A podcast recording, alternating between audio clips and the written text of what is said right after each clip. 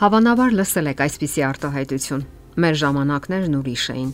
Սա ճիշտ է այնքանով, որ բոլոր ժամանակներն էլ ուրիշ են։ Չէ՞ որ յուրաքանչյուր ժամանակ ունի իր առանձնահատկությունը, իր եզակի եւ ինքնատիպ, միայն այդ ժամանակներին հատուկ ոչն ու ձեռագիրը, բարքերն ու սովորությունները։ Գաղտնիք բացած չենք լինի, եթե ասենք, որ իրար նման ժամանակներ չեն լինում ինչպես չեն լինում իրար նման մարդիկ։ Եվ այդ նույն տրամաբանությամբ չեն լինում իրար նման երեխաներ, Եվ երբ համեմատում ենք տարբեր ժամանակների երեխաներին, լինելով միանման սիրո եւ ընդունման իրենց պահանջմունքներում, նրանք տարբերվում են միմյանցից տառացիորեն ամեն ինչով՝ մտածելակերպով, աշխարհայացքով, տրամաբանությամբ ու ժամանակի բարքերով, գիտատեխնիկական զինվածությամբ, ինչպես նաեւ հոգեկան ու ֆիզիկական վիճակով։ Եվ այսպես ժամանակակից երեխա։ Ինչով է յուրահատուկ ժամանակակից երեխան։ Նա ավելի զարգացած է ինտելեկտուալ առումով, սակայն ավելի վատ է ձգումներ անում մարզաձողի վրա։ Ավելի լավ է գլուխ հանում on-line մարտավարությունից եւ ավելի վատ է ֆուտբոլ խաղում։ Նա ավելի քիչ կռիվներ է անում փողոցում եւ ավելի շատ է խղճում իրեն, երբ ամաններն է լվանում։ Թվում է նա ավելի խաղաղ է, սակայն դա երևութական է Բավական է մի փոքրիկ առիթ եւ նա կարող է դառնալ նյարդերի կծիկ եւ հիստերիա բարձրացնել անսպասելի կամակորություններ անելով։ Պատճառները տարբեր են։ Փոխվել է մանուկների ժամանակային գրաֆիկը։ Նրանք այսօր ավելի հագեցած կյանքով են ապրում եւ ավելի շատ զբաղմունքներ ունեն։ Փոխվել է նաեւ նրանց զբաղմունքների բնույթը։ Եթե նրանք մի քանի րոպե ազատ ժամանակ են հայթայթում, ապա այդ ժամանակի մի մասը անց են կասնում սոցիալական ցանցերում, խաղում խաղեր համացանցում, ապա հարմար տեղավորվում հեռուստացույցի առջև եւ սկսում հետևել շոու աստղերի անբարո կյանքի մանրամասներին։ Որոշ բաներ էլ իմանում են մազերի, թեփի դեմ շամպունների տեսակների կամ այլ անհեթեթ շոուների մասին։ Ինչ վերաբերում է գիրք երևույթին, ապա ըստ վիճակագրության ժամանակակից երեխան ընդամենը 9 րոպե է անցկасնում գրքի առջև։ Թեպետ պատահում են բացառություններ։ Ծնողները հաճախ են ստեղծում, կերտում իրենց երեխաների կերպարը, սկսած արտակինից եւ վերջացրած նրա ստեղծագործական կամ մասնագիտական ընտունակություններով ու կողմնորոշմամբ։ Սակայն հետագայում տեսնում են, որ հուսախապ են եղել։ Երեխաները այս աշխարհ չեն գալիս որպես մաքուր գիրք։ Շատ բան արդեն գծագրված է գենետիկորեն եւ ինչքան երեխա, այնքան բնավորություն։ Մենք չէ որ աշխարհ ենք ուղարկում երեխաներին։ Ամեն ինչ Աստծո իմացությամբ է տեղի ունենում, իսկ մենք կարող ենք միայն բարելավել կամ փչացնել նրանց բնավորությունը։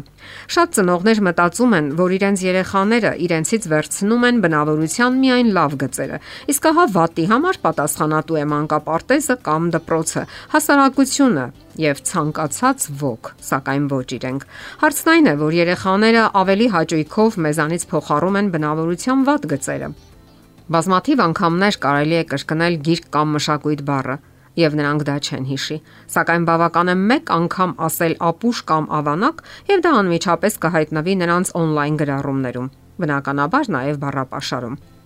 Հնարավոր չէ երեխայից սարքել այն, ինչը դուք չեք դարձել։ Եթե դուք նոտաներն էլ չգիտեք, չարժե նրանից մեծ դաշնակահար սարքել